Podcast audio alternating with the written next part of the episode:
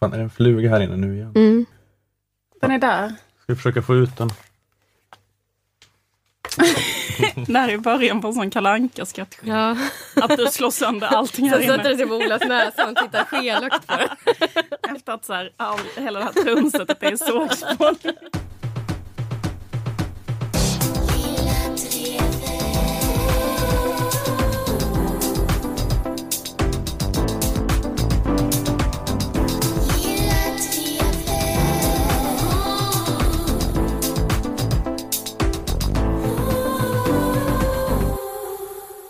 Det här är det 206 avsnittet av Lilla Drevet, en samtidskommenterande podcast för Aftonbladet Kultur i samarbete med Akademikernas A-kassa och fackförbundet Jusek. Jag heter Ola Söderholm och här på plats i Malmö musikstudio också Liv Strömquist och Nanna Johansson. Hej på er! Hallå, hallå. Tjena, tjena. Eh, Den här veckan ska vi prata om, vad var det, Camilla Läckbergs Instagram Mm. och eh, Skjutningarna i Köpenhamn. Just det. Eh, jag tänkte inleda med det här att eh, FNs klimatpanel IPCC eh, har kommit med en ny rapport gällande den globala uppvärmningen. Kom nu i måndags. Och enligt den eh, räcker inte det här Parismålet två grader, utan eh, uppvärmningen måste stanna vid en och en halv grader för att det inte ska bli alltför förödande konsekvenser. Eh, Så här sa IPCC-ordföranden, eller talespersonen, eller vad han kallas. Limiting warming to 1.5 degrees is not impossible, but will require unprecedented transitions in all aspects of society. Ja, det var Aktuellt löpets ljudmatta där i bakgrunden. Men han sa att begränsa uppvärmningen till en och en halv grad är inte omöjligt. Men det kommer kräva en omställning som saknar motstycke i eh, alla delar av samhället. Koldioxidutsläppen måste minska med 60 procent till 2030, ungefär från dagens nivåer och vara noll 2050. Amerikanska klimatjournalisten David Roberts sammanfattar IPCC-rapportens budskap så här att Uh, stopping warming at 1.5 degrees would involve an immediate coordinated crash program of reindustrializations, reindustrialization, jävligt svårt ord, reindustrialization involving every major country in the world. Uh, it would be like the US mobilizing for World War II only across the globe, sustained for the rest of the century. Slutcitat. Så det är bara det då liksom. Alltså vi, vi i Sverige, vi har några talmansrundor kvar innan Jan och Annie tänker berätta hur de vill göra med Stefan och Ulf och Jimmy och det. Så vi fokuserar på det just nu. Men så snart det är avklarat blir det säkert 100% koncentration på det här med krigsekonomi för att mota klimathotet. Med undantagslagar för näringslivet och ransonering och så vidare. det. Det Det blir, blir liksom om en två, tre veckor. om en två, tre Ja, veckor, Då drar vi igång. Då har, ni Woho! druckit, då har ni druckit äkta kaffe för sista gången. Då får ni ett ransoneringskort. Du får gå och köpa eh, kaffesump. Alltså jag dricker ju pulverkaffe så för mig kommer det inte Jag har ju en sjuk känsla av att eh, alla på Globen skulle vilja göra detta. För det är sån typisk grej som folk liksom vill vara med på.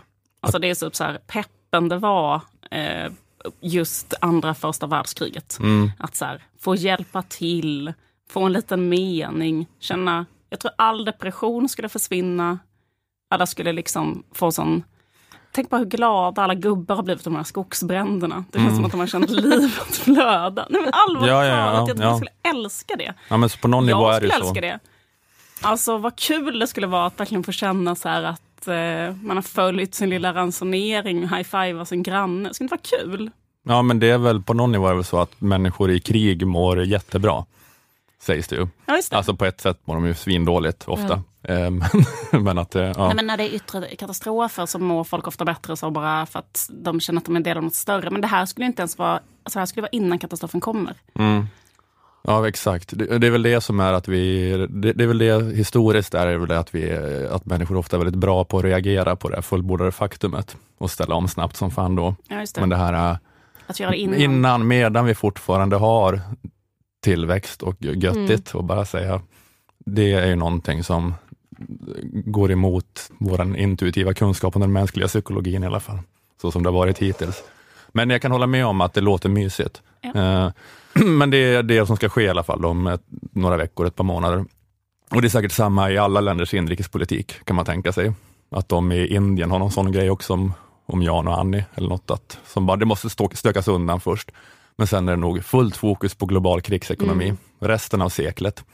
Eh, för det Den måste, här konflikten med Pakistan, den, den, den är de på väg att glömma för att fokusera Mm. fullt på det här istället. exakt, det är nu lägger vi ner kärnvapenprogrammet och eh, bygger liksom eh, småskaliga vattenkraftverk i varje Mm. by eller något sånt där. Men det är, eh, ja men det är Kan vi alla... inte stanna i den här utopin en liten stund till? Himla mysigt.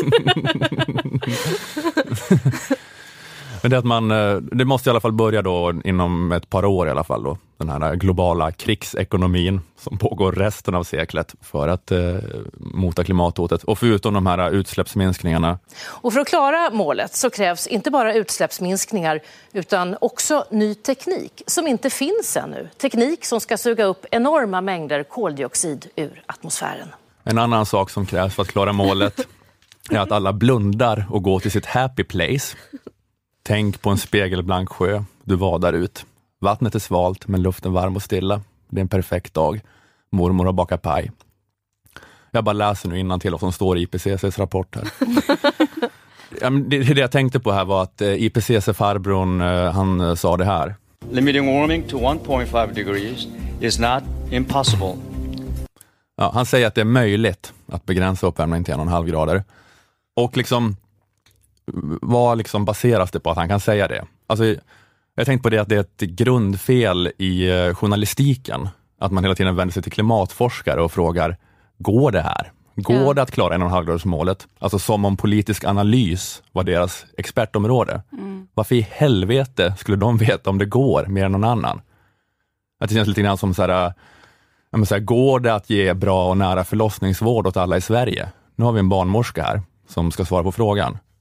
Meteorologen och klimatexperten Martin Hedberg är med i Aktuellt. så ser man att risken är överhängande att vi passerar tröskelvärden där liksom klimatet börjar leva sitt eget liv. Och då är det inte vi längre som har någon som helst kontroll på påverkan utan då är det helt och hållet naturen och återkopplingarna som har tagit över. Men vet vi inte allt det här redan? Man kan tycka det.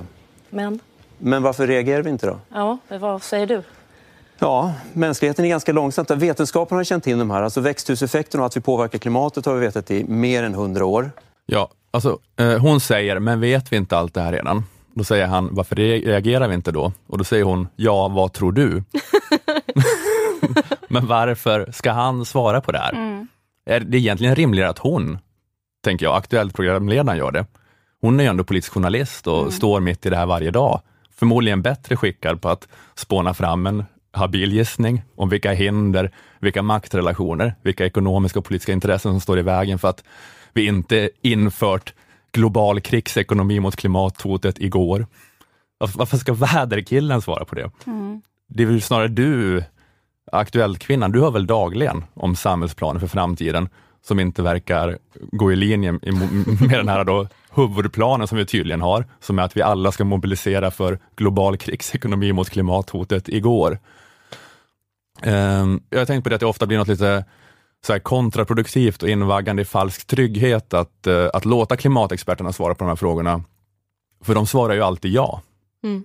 För det går ju alltid så, alltså i den bemärkelsen, går det ju alltid att abrupt och drastiskt minska utsläppen. Men det är liksom inte där knuten sitter. Alltså det är liksom inte så här, jag menar att det är som, här, som att under pågående folkmordet i Rwanda 1994 kalla in en naturvetare som expert. Går det att sluta mörda? En sån machetotillverkare kanske. Ja. Sen går det att sluta att ta den här och hugga den i sin eh, granne. Ja, det går. bara, ja det går. Enligt fysikens lagar måste man inte göra den här handrörelsen med mancheten. Det är liksom den expertisen jag har utifrån det kan jag uttala mig. Man kan bara sluta. Ja, Men jag tänker att det skulle kanske vara rimligt att, eh, att fråga klimatforskaren eller så här, eh, nya grön teknikexperten, går det här, om det var så att man tänkte att går det här som i, kommer det här gå av sig självt? Alltså helt utan livstidsuppoffringar och utan stora politiska beslut. Att vi bara kan mala på med ständigt ökande konsumtion, men med en sån överljudshastighet i effektiviseringen att utsläppen snabbt går mot noll ändå. Men det är ju ingen som tror det längre. Alltså ingen av de där eh, de experterna. Alltså de är verkligen utvecklats åt andra hållet. Att Per Holmgren till exempel och de, att för 15-20 år sedan var de sådana glada. Nu gasar vi in i nollutsläppen. Att de liksom led av mentalsjukdomen centerpartism. Men nu har de ju, nu har de, ju- nu har ju de blivit dödskommunister allihopa. Det är mitt ord ska jag säga. Alltså är sju, det är sjukdomen, folkpartism är en sjukdom, vad du pratade om innan. Men nu är det alltså döds, den dödliga sjukdomen centerpartism. Om det är folkpartist är det bara lite. Det. Jag kan bara säga for the record att Per Holmgren har inte beskrivit sig själv som dödskommunist. Nej. Utan det Nej, eh, är mitt det är ord. din eh, beskrivning. Det är min tolkning av att följa hans Twitterkonto. Radikaliseringen på hans Twitterkonto.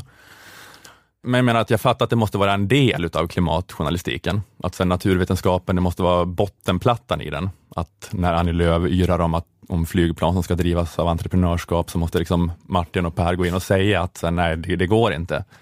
Men liksom när det gäller frågan, går det att sluta flyga? Då kan ju, då kan ju de bara säga ja, Mm. det går. Man kan ta tåget till västkusten istället. Ja. något. Man, kan, man kan liksom ja, men man Kan man kan enligt fysikens lagar leva på ett sätt som genererar mindre utsläpp.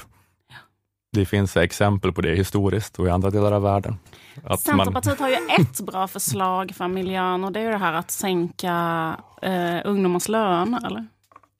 Det, men skulle det, de ju gå fram på, som, alltså bara flytta det sen under den gröna rubriken. mm, det för jag, tänk, jag tror ju de ändå tänker att det är någonting som gynnar den totala köpkraften Ja, i samhället. precis. Så att, eh, men om- det är möjligt att de har fel då. De så det är alla. ofrivilligt en bra klimatåtgärd. men, mm, men jag menar att man kan enligt, det går, de kan ju alltid säga det, det går ju att generera mindre utsläpp, att det Mm. går så. Men jag menar bara att det är liksom andra sorters analytiker skulle bättre än klimatexperterna kunna förklara varför det är så jävla hopplöst svårt att sluta. Liksom hur den här eh, globala dödsmaskinen hänger ihop. Eh, på ett, och också då på ett sätt som mycket bättre liksom förmedlade allvaret i situationen, tänker jag. För när de här klimatexperterna under de senaste 30 åren har sagt hela tiden, ja det går att sluta släppa ut så mycket, då är det- har ändå på något sätt så vaggat in oss i en trygghet, alltså mer trygghet än vad vi förtjänar. För, det, för att liksom, de har fått det att låta som att vi har verktygen i våra händer för att bara lösa det här.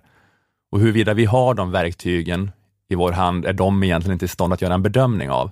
I alla fall inte en på långa vägar tillräckligt helhetlig bedömning. Även om det är de som har koll på vad det finns för ny grön teknik. För det, det är liksom inte det det handlar om i första hand, utan det handlar snarare om, i så fall om att kunna analysera världspolitiken och ekonomiska systemet och kapitalismen och analysera säkerhetsfrågor och migrationsfrågor. Alltså det är liksom den typen av expertis som måste in för att få någon som helst förståelse av vad fan som pågår. Mm. Eh, George eh, Monbiot, väldigt osäker på det uttalet, George Monbiot, kanske är franskt, Monbiot, George Monbiot. Ja, han är en brittisk aktivist och skribent, som, han skriver mycket om, om klimatfrågor. Men, George Monbiot. Monbiot, ja. vi landar i det. Han har skrivit en text i The Guardian om att det nu finns, eh, liksom, att det finns, dels hör man mycket en sån, man hör mycket om en sån pepp att nu händer allting med omställning och den helt elektrifierade framtiden. Eh, men att vi också nu, vi är på väg mot det värsta utsläppsåret någonsin. Eh, att oljeproduktionen är för första gången någonsin på väg att passera 100 miljoner tunnor om dagen, gränsen. 2018. Eh, Det är liksom 2000 jävla 18. Vi är mera då klimatvoke än någonsin och är på väg mot det värsta året någonsin. Eh, Och det, det är liksom, det är det någonstans man behöver hjälp med att förstå. Man kan inte bara ha de här som säger det finns spännande lösningar. Det är liksom, vi måste ju, journalister måste ju hjälpa oss att förstå det här. Men att han skriver då att svaret är tillväxten, att eh, ekonomisk tillväxt i länder som är rika nog att tillgodose allas behov innebär att man måste ha tillväxt av meningslös konsumtion. Eh, bortom en viss punkt så blir det så med tillväxten då. Det är kraften, tillväxten är kraften som lyfter oss ur armod, fattigdom, smuts och sjukdom.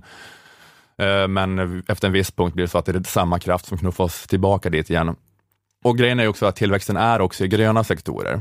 Alltså det görs, eh, på ett sätt kan man säga så, att det görs mer rätt saker än någonsin nu. Men det görs också mer fel saker än någonsin. Alltså det görs mer av allt.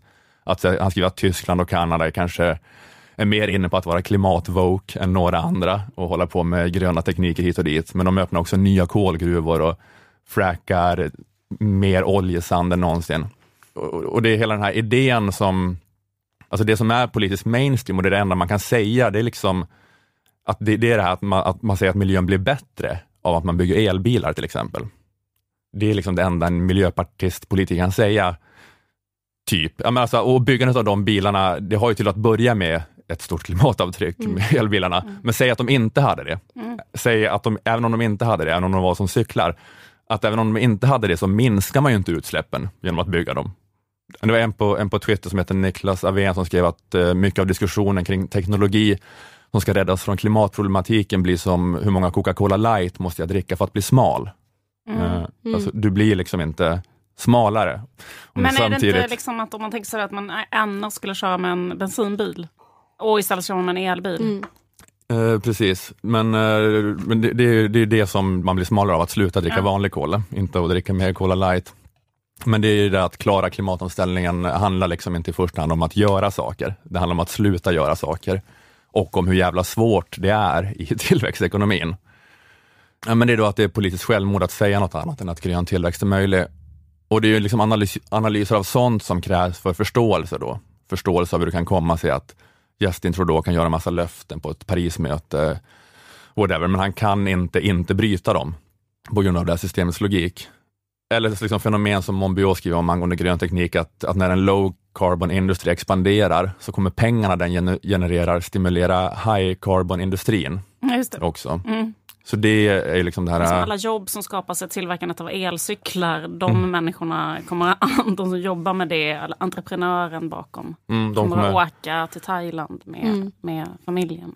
ja, men det, för det är ju det som är... Börja Att det ska ju bara växa. Att, ja, precis. Att det, det, är ju liksom, det ska ju växa så att det blir ju, visst, du kan byta ut en bensinbil mot en elbil, men grejen bygger på att alla ska ha mer. Så det blir väldigt många som har både elbil och fler fossila bränsleutsläpp på andra ställen.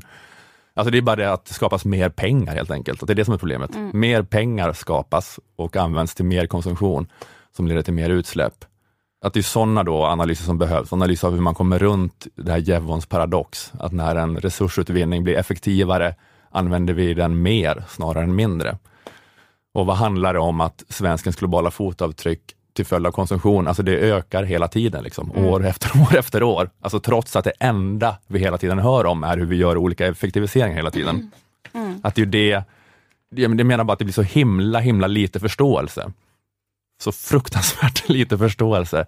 Johanna Lissinger Peltz, eh, Sveriges chefsförhandlare på, på de här klimatmötena, hon är också med i Aktuellt. Men vi har ju, som vi, som vi pratar om här, vi har ju liksom inte reagerat. Det har ju inte hänt särskilt mycket egentligen. Det har ändå hänt en hel del. Jag tycker att det har- sker en omställning i privata näringslivet som man ser. Eh, vi har en, en FN-process som också har en inbyggd ambitionscykel.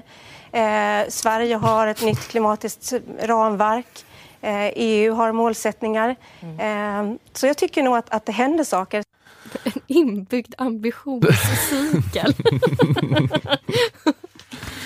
Ja, men det så, kan man liksom vara nöjd med den här journalistiken man producerat? Det är så himla lite förståelse när det bara, när det bara sägs, när det där sägs konstant varje gång frågan ventileras.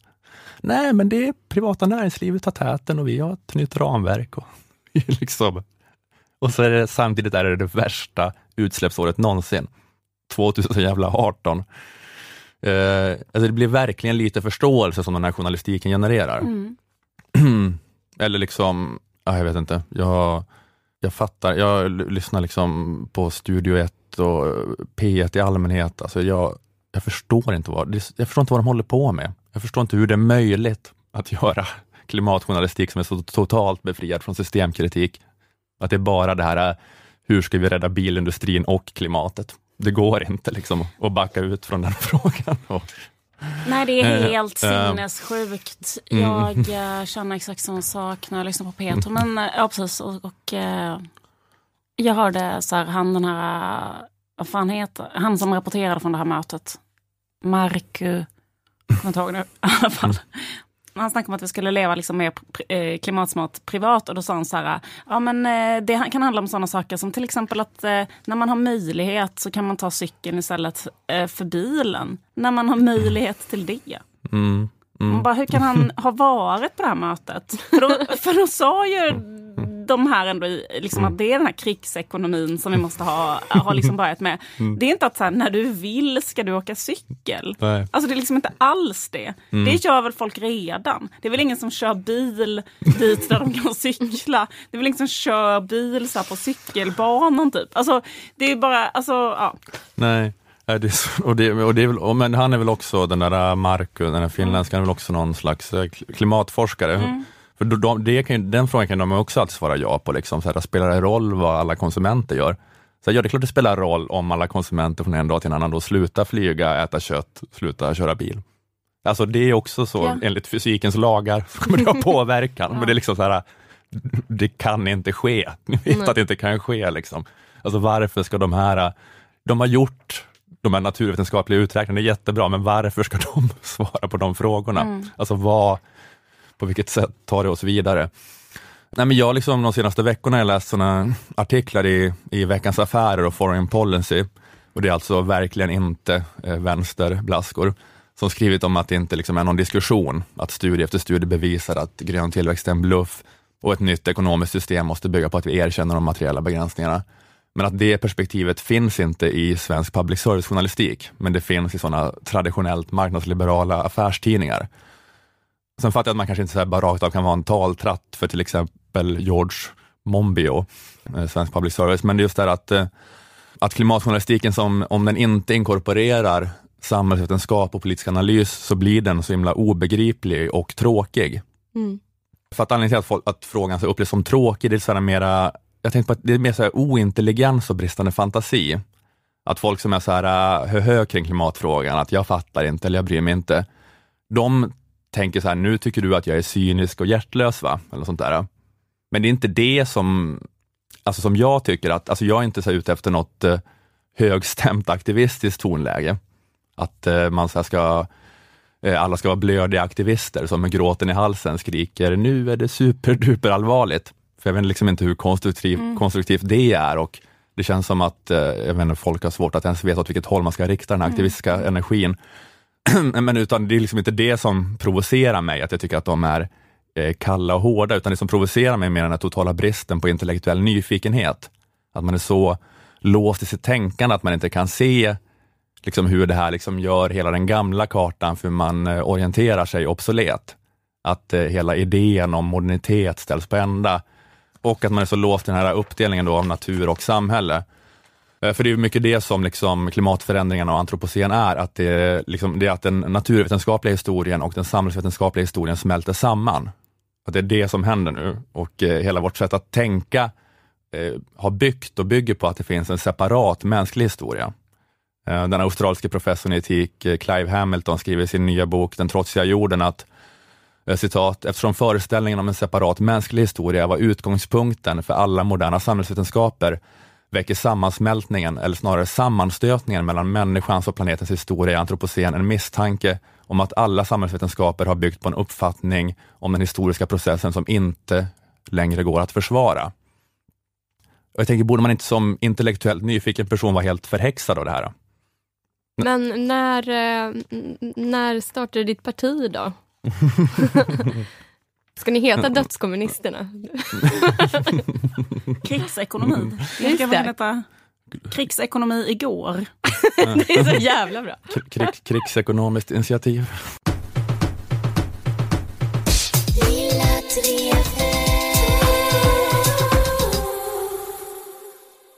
Camilla Läckberg eh, har eh, 218 000 följare på sitt eh, Instagramkonto. Mm. Och eh, en sak som hon eh, använder, eh, alltså hon och också många andra så här, sociala medieprofiler och influencers och så, använder det här kontot till, det är att kritisera företag och servicepersonal som när de upplever att de har blivit dåligt behandlade någonstans. För några månader sedan så skrev Camilla Läckberg till exempel ett inlägg om en negativ upplevelse som hon hade haft av smyckesföretaget Georg Jensen. Eh, Det hela började 2013 när Camilla Läckberg efter sin eh, skilsmässa från Martin Melin tänkte unna sig själv en ny eh, briljantring. Som man gör. Otroligt mycket in character för Camilla Läckberg att med egna pengar köpa en skilsmässoring Ja. från Georg Jensen för 117 000. Är det en grej, en skilsmässoring? Otroligt arketypiskt queen-beteende. att köpa en skilsmässoring Ja. för sina egna jävla pengar. Skitsamma. Det är väldigt eh, humans of lace capitalism. Det är bara, Eh, jag, jag har en deckardrottning, jag köpt en skilsmässoring för 117 000. Så jävla queenigt eh, gjort, men mindre kul när Camillas nära vän, PR-kvinnan Kristina Saliba får se ringen och tycker att eh, en av ädelstenarna ser ut att vara av lite sämre kvalitet än de andra. Eftersom PR-kvinnan Kristina Saliba, citat från Camilla, har ett skarpt öga för ädelsten. Också otroligt en character att PR-kvinnan Kristina Saliba har ett slags special eh, expertseende för eh, hur bra en ädelsten är. Eh, PR-kvinnan Kristina Saliba erbjuder sig då att gå tillbaka till Georg Jensen och klaga på ringen. Och Camilla skriver på sitt Instagram. Den unga tjejen på plats ifrågasätter mig och frågar om Camilla själv har bytt ut stenen. Anklagas med andra ord av Georg Jensen för bedrägeri. Chockad smiley. Ap-smiley med händerna för ögonen. Turerna fortsätter, bla bla bla. Men hur som helst, det viktiga är att kort efter det här inlägget så skriver Camilla Läckberg ett nytt inlägg där hon bara kort skriver Tack Georg Jensen för att ni har kompenserat mig. Så att liksom hennes Instagramkonto Just det. fungerar, eller liksom eftersom hon har de här följarna så kan jag tänka mig att det fungerar på det här sättet. Liksom att rädslan att få så dålig publicitet på det kontot måste ju göra att liksom eh, Ja, men Georg Jensen har ju säkert så här kört förbi hennes hus med en skottkärra gratis diamanter eller ett papper där det står att den här unga expediten har fått sparken. Eh, eller liksom vad det än kostar eh, för Georg Jensen att få henne att hålla käften. Eh, liksom. De fick den här unga expeditens huvud i ett paket hemskickat till Camilla. Och så använde hon det som askfat nu. Hon Eh. trär sina smycken på en Hon har de där avhuggna händerna och använder dem som just ring. ringhållare. Men att skriva sådana här inlägg om olika företag där man Just upplever det. sig illa behandlad, det är inte bara det är inte unikt för henne, utan det är många så här, sociala mediepersonligheter och influencers som håller på så här. Ja. Alla, alla, måste betala, alla företag måste betala Camilla Läckberg för beskydd kan man säga. Att det är lite en sån verksamhet för Ja. att slippa bli eh, förintad på hennes Instagram. Precis. Jag minns att Alex Schulman till exempel för några år sedan gjorde en stor affär på sociala medier av att hans badkar inte var ordentligt städat eh, på något hotell där han var i Uppsala. Jag tror att han twittrade om det, eller det var så väldigt så emotionellt att hans badkar liksom och då eh, rusade hotellpersonalen upp och liksom uppgraderade honom till, ett, till en svit och sen krälade baklänges bugandes ut genom rummet hela vägen tillbaka ner till personalrummet där de vände sig om och eh, högg huvudet av den filippinska gästarbetaren som hade gjort ett dåligt jobb. Just det. Och, eh, eller de avskedade henne. Ja, just det. Hur många jag huvuden de har i sina hus, de här är så många. så många huvudskålar som man hinner. Jag röker ju inte så här mycket. Vi ska hinna aska i alla de här.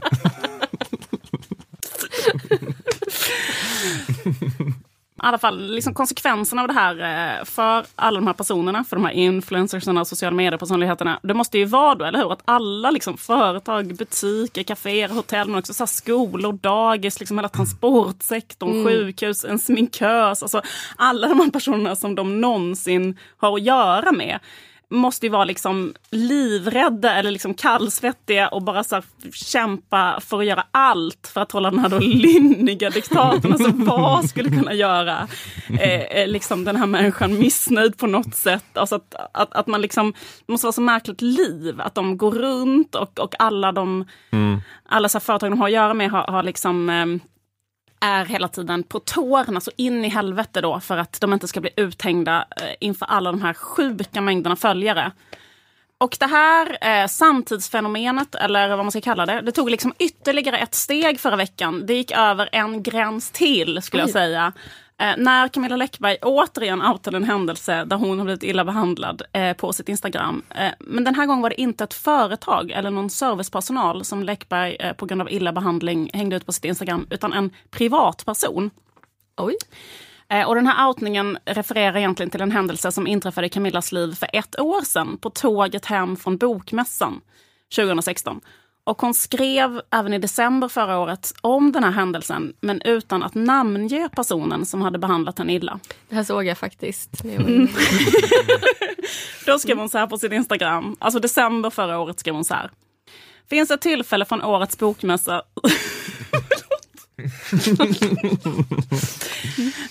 Finns ett tillfälle från årets bokmässa som etsat sig fast i minnet. Vi är ett gäng som kliver på tåget, glada, uppfyllda av läsarmöten och vi skrattar och pratar högt med varandra. Tills den fina kvinnliga kulturchefen på sätet framför mig hyschar oss. Mm.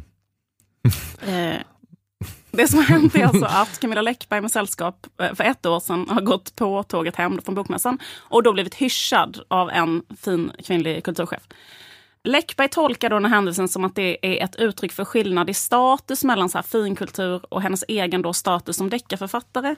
Och knyter också i det här inlägget ihop den här händelsen med ett slags allmänt resonemang om Svenska Akademin och de skandalerna som varit där. Och hon skriver så här, detta med akademin har för mig inneburit att min hukande vördnad för de finkulturella har försvunnit. Och jag tänker aldrig hyschas igen.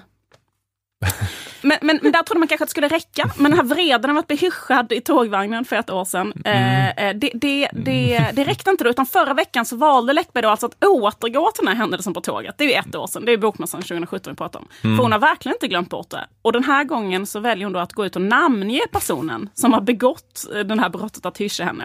Och detta inlägg eh, handlar då om en krönika som Åsa Linderborg har skrivit i Aftonbladet. Och Läckberg skriver eh, så här.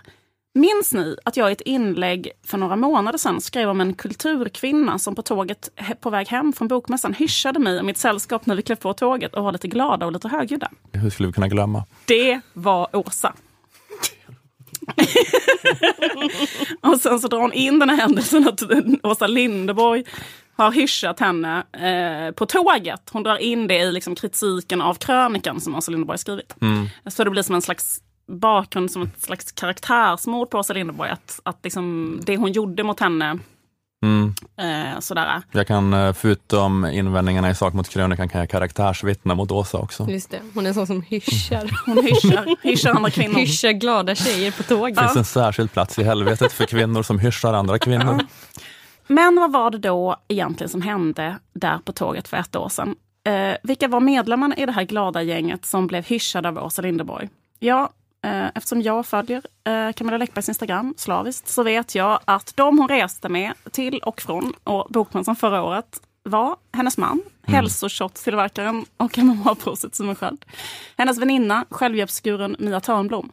Samt barnstjärnan och författaren till boken ADHD, min superkraft, Viktor Frisk. Mm, mm. Jag, jag ska... det, är det, det är det gänget då, ni får föreställa er. Eh, Ola och Nanna, jag tänkte bara visa er en bild eh, som Camilla Läckberg la upp precis innan hon klev på tåget. Alltså precis innan den här ödesdigra händelsen skulle inträffa. Att Åsa Linderborg skulle säga Shh! till henne och hennes sällskap i, i tågvagnen. Det är ett år gammalt foto från hennes Instagram. Kan, kan ni, kan ni ehm, eh, beskriva den? Får jag se? Ja, det, det, Det är det här, det, det här, det här fotot la hon upp då precis innan hon gick på tåget. Oj, oj, oj. Okej. vad, är det en bild på henne? Mm, I keps och så gör hon... eh, Får jag läsa bildtexten? gör det.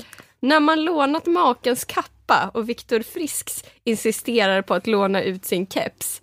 Swag! Hashtag tröttflamsig. Hemfärd. Tack Göteborg. Bokmässan 2017. Åh gud. Och hon har på sig uh, Viktor Frisks eh, Mm, eh, keps. Keps. mm. Och hon gör en slags uh, hiphop uh, uh, hälsning och hon säger, ehm, vad heter det, hon, hon eh, har hashtag tröttflamsig. Mm. Så liksom för att eh, ge en annan journalistisk vinkel på den här händelsen än Camillas eget Instagram, så är det som sker i vagnen kanske inte att en fin kulturchef som hyschar Camilla Läckberg av skälet att Camilla Läckberg inte är en tillräckligt fin författare och därför inte får prata på tåget. Utan det som sker är kanske snart en galen multimiljonär i sällskap med ett vuxet ADHD-barn, en kroppsbyggare och en trött framflamsig vishetslärare med groteskt god självkänsla. Frikyrklig tro på sig själv. Sitter och skriker på tåget och en medresenär i vagnen ber dem att vara lite tysta.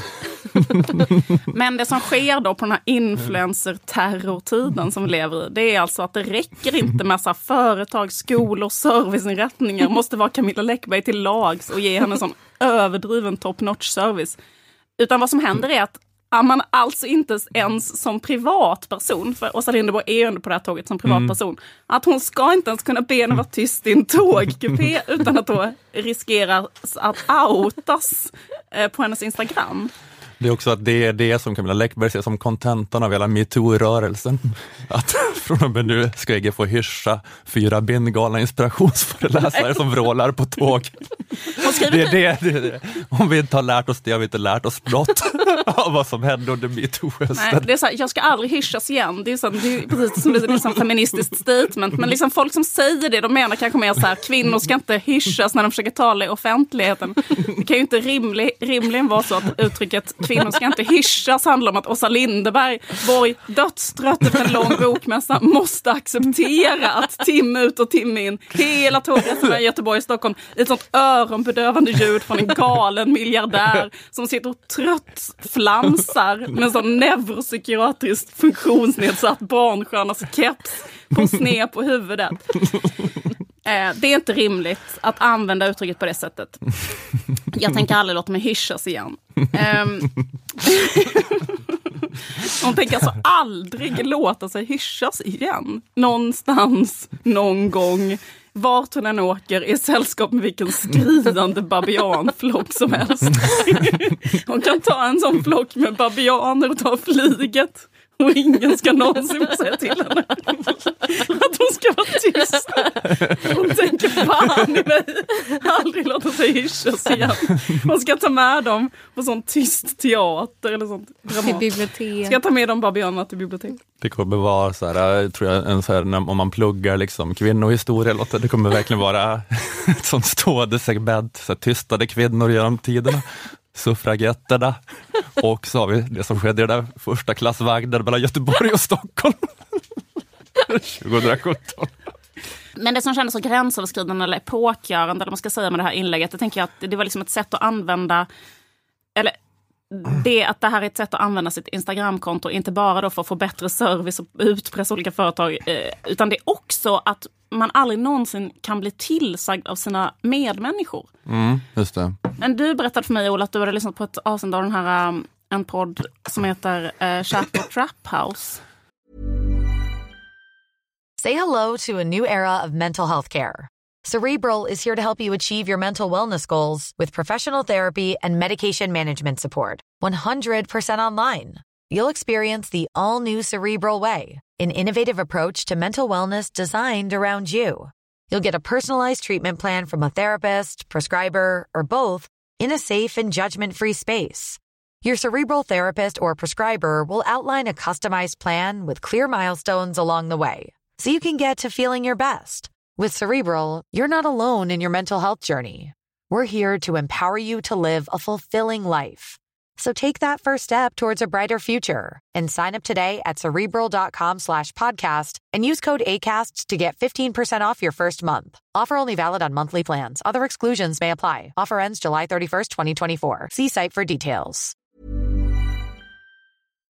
Ja, precis. Jag hörde något, att de pratade om det i något eh, avsnitt ganska nyligen, amerikansk podd som heter Chaper Trap House, om någon, det var någon sån här uppburen New York-journalist som använde sina sociala medier för att Ja, men för att attackera kanske en, för att attackera kanske en restaurang eh, där, förlåt va? Oh, nej, jag kul. För att attackera kanske en restaurang där eh, han tyckte att han hade fått lite dålig service av någon hovmästare och sånt där. Men att eh, Chapo Trap House sa liksom då att de skulle liksom vara att alla som får, alla liksom näringsidkare näringsidkare, olika sådana personer som får skit i hans sociala mediekanaler, att de kommer liksom vara en motkraft mot det. Att om eh, om eh, den här snubben, jag, vet inte, jag kommer inte ihåg vad han hette, om han har sagt att ni ska inte gå på den här restaurangen för det är dåligt, då kommer vi gå all in och säga alla ska gå på den här restaurangen.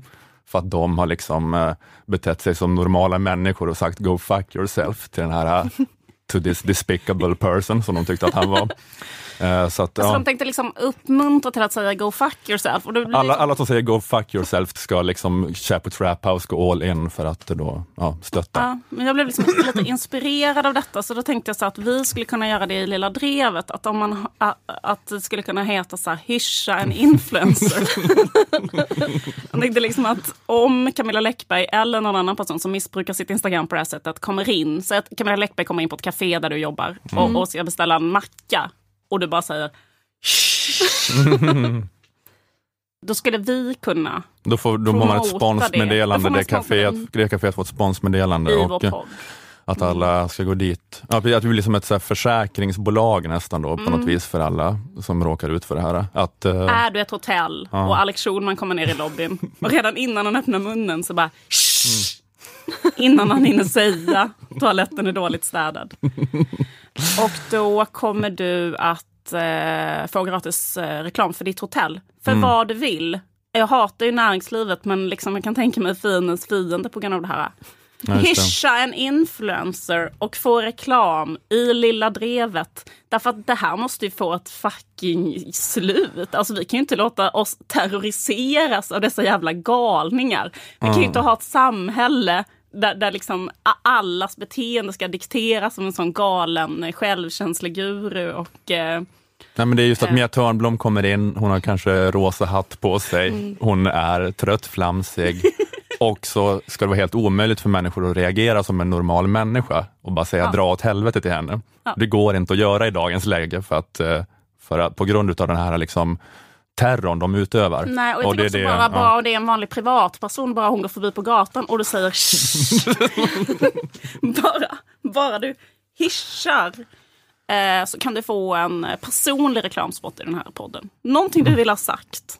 Ja, och, men du, du kanske kan få liksom ett av dina tryck på den här isdanserskan med mens eller sånt där, alltså, som du kan skicka hem till dem eller sånt där. Alltså de kan ju få sådana presenter eller, eller whatever. Liksom. Om de eh, ber olika influencers eh, fara åt helvete i det offentliga rummet. Bara, bara hyscha dem, bara lite lite.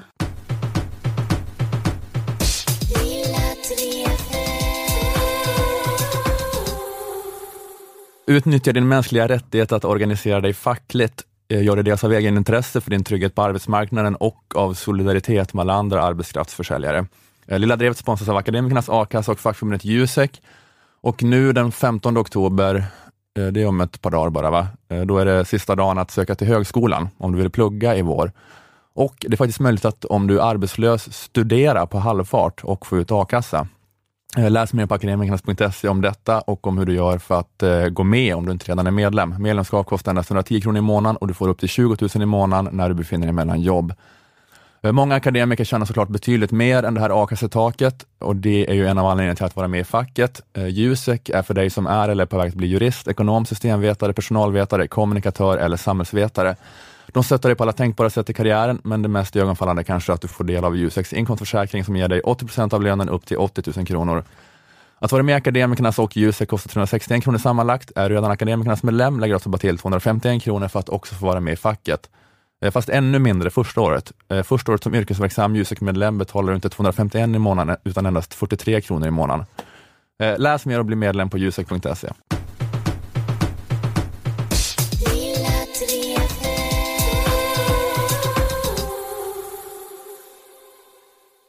Hörni, vad de bråkar med varandra, va? alla kriminella gäng som vi har här i. Öresundsområdet. Mm. Men det råder någon sorts eh, allmän konsensus om att det är lite okej att de bråkar och skjuter så länge de håller sig till att skjuta varandra. Lite som i krig, att det sorgligaste man kan tänka sig är ju att civila råkar illa ut. Man tänker lite om soldaterna, att den som gett sig in i leken får leken tåla. Eh, vilket ju är bananas eftersom man i många länder inte har något annat val än att bli soldat. Eh, och så är det säkert med de här gängen också. Att vissa har hamnat i den här situationen utan att egentligen vilja. Men i våra icke gänganslutna små skallar så känns det ju ändå bättre att höra att det var en kriminell som blev skjuten och inte någon gammal tant som bara råkade korsa gatan vid fel tillfälle och tog en kula som hon inte borde tagit. Stackars denna hypotetiska tant som bara skulle till affären och köpa kattmat, katrinplommon och korsordsbilaga. Så blev hon skjuten. Men problemet just nu är att det faktiskt är många, i brist på bättre ord, civila som blir skjutna i gängstriderna. Särskilt i Köpenhamn och då särskilt i området Nörrebro. Eh, tydligen så är de danska kriminella lite dåliga på att sikta. De gör det lite slafsigt, lite från höften. Eh, nu ska inte jag peka finger, jag sitter hela kvällarna och spelar first person shooter-spel. Då är det klart man lär sig hur man ska sikta. Eh, man har kanske inte lika mycket tid att spela FPS om man har fullt upp med sina skurkerier. Eh, men här är ett litet tips. Är det ett rörligt mål, sikta lite framför. Alltså sikta dit den är på väg. Ja, ja. Mm. Jag, tyckte, jag tyckte att du pekar finger lite grann ändå. Här, Ja, lite. Eh, men strunt samma, för nu, nu nu ska jag komma till det jag skulle komma till. Eh, jag var i Köpenhamn i helgen och jag fick veta när jag kom dit att det var nya skjutningar och att man i svenska nyheter gått ut med en varning för att åka över sundet. Alla svenska turister i Köpenhamn uppmanades att vara extra vaksamma och hålla ögonen öppna efter, ja, inte jag, skurkerier, Mm. skumheter. Och jag kunde inte låta bli att känna att det var lite onödigt att gå ut i svenska medier och varna folk för att resa till Köpenhamn. Alltså det är så himla liten sannolikhet att just en svensk turist skulle råka stå emellan en gänguppgörelse. Eh, för det här är ju vad svenska turister gör i Köpenhamn. De rör sig inom en radie av typ en kilometer från tågstationen. Eller hur långt är Ströget? Så långt, Ja. max, går svenskar som är på besök. Men förmodligen så stannar de, slash jag, på första bästa ställe där man kan få en öl. Alltså många Köpenhamnsvistelse är ju bara att gå över gatan från tågstationen till Tivoli. Ja. Alltså det ska mycket till för att man ska hinna bli skjuten på de 20 meterna. Eh, Men jag har ju för sig lite dålig koll på hur många gäng eh, det finns i Köpenhamn. Kanske är det inte bara de här gängen på eh, Norrebro man ska passa sig för. Kanske finns det också typ The Smörrebröd Gang. Hänger på de här riktigt pittoreska kaféerna runt Nyhavn. Passa dig så de inte slår dig med sånt riktigt gammalt hårt rågbröd. The original sockernosar. Känns igen på att de har sockervadd på nosen. Du vet att du är inne på deras turf bro om du är innanför murarna som markerar gränsen för tivoli. Se upp för papercuts från deras vassa årskort. Den lille havsjö crew terroriserar turisterna längs Ströget. Har du otur så sticker de dig med svärdspetsarna på såna fula miniatyrvikingar som säljs i souvenirbutikerna. För om de gängen finns, då fattar jag ju att man varnar svenskar att åka till Köpenhamn. I annat fall så borde man ju varna svenskar från att ta tåget tillbaka till Malmö. Bara stanna här runt tågstationen i all evighet så är du trygg, borde de säga. Ja, men det, det här var inte den här grejen då de spärrade av hela Själland som var för ett tag sedan? Nej, tror jag inte. Nej, okej. För Det, det var ju någon konstig nyhet. Men det var några som hade rymt från Sverige tror jag. Och så spärrade de av. men det kanske, jag tror de var misstänkta terrorister på något sätt. Och så, Ja, men är det, så, är det liksom tal om terrorism så fattar jag ju att då är det väl främst De målen. Ja, turister, det. man, eh, turistställen man ska undvika. Liksom. Men Just det. är det så här gängbråk mm, så är det ju inte det. nej, precis. Om det inte är de här Det känns gängen. ju tryggt med gängbråk tycker jag. Ja. Gänguppgörelser. Men visst gör det, för det, det känns ändå så, om det nu ska vara våld så tar man ju hellre den sortens våld än våld som bara är helt urskillningslöst.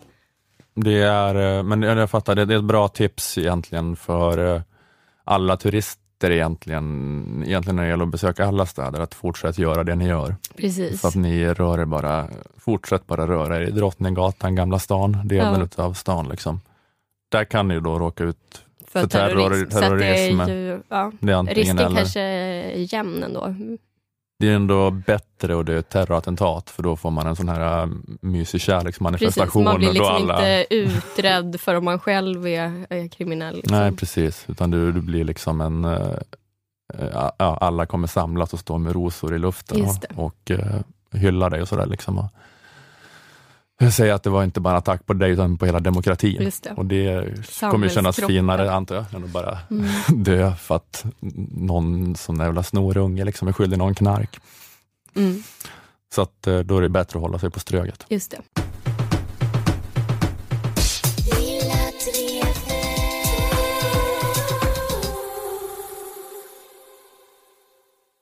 Just det, jag kan säga om livepoddarna som jag, ni ska inte vara med på dem utan det är jag och Jonathan och Moa. Det är slutsålt i Uppsala nu. Varför får inte jag och Nanna vara med? Jag tycker det är så. Ja, det är det. Tycker inte vi är tillräckligt mycket estradörer?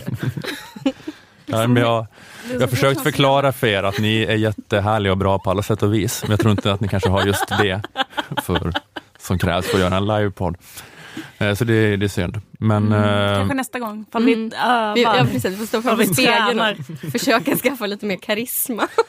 ni kanske kan be att få hoppa in i den här livepodden måndag några gånger. Ja, så kan det. ni vara där och öva några gånger. Så kanske Ja, jag det, släpper i upp er på källare. ja, eller Pizzeria Rex källare. Ja. Så kanske jag släpper upp er. Det. på Kinateatern sen. För det, det är Kinateatern i Stockholm finns det några biljetter kvar. Jag tror det är typ så här, eh, jag vet inte, vi har sålt så här 1100 av 1200 biljetter eller någonting. Det finns några kvar där. Biljettlänkar finns på, eh, ja det finns via sociala medier eller i, i avsnittsinformationen till det här avsnittet eller via vår Facebook. Ja, men man kan gå på den här livepodden också även om man tänker att det inte kommer bli så bra. Men att det handlar lite grann om att stötta oss kulturarbetare ekonomiskt som bara håller på och kastar gratis material på er varje vecka. Ja. Så att det är ju en fin gest så. Och, Det eh, behöver inte ens komma, så ni kan bara köpa biljetten och stanna hemma Ja. och lyssna. exakt, eller Men bara swish, swisha mig så att jag slipper dela det med Moa och Jonathan. Kommer eh, livepodden att sändas också, eller den kommer bara ske där och då? Eller kommer den också komma ut? Den kommer, nej, eh, ja, det, kommer nog komma ut någon podd med lite delar utav eh, livepoddarna i, i Stockholm och Uppsala. Men det kommer nog också vara rätt mycket material som kommer vara exklusivt för den publiken den kvällen. Eh, då säger vi tack för den här veckan. Tack eh, Aftonbladet Kultur. Tack Åsa Linderborg för att du står upp. Jag vill påpeka det att det är inte bara liksom eh, att du, vi försvarar patron här, utan vi är ju redo att göra den här grejen för alla människor som står upp mot influencers. Och det råkade vara Åsa Linderborg den här gången. Ja. Eh, tack Aftonbladet Kultur, Akademikernas A-kassa och fackförbundet Jusek. Eh, tack till Malmö musikstudio där vi spelade in. Jag heter Ola Söderholm, ni heter Nanna Johansson och Liv Strömqvist. Hej hej! Hej hej!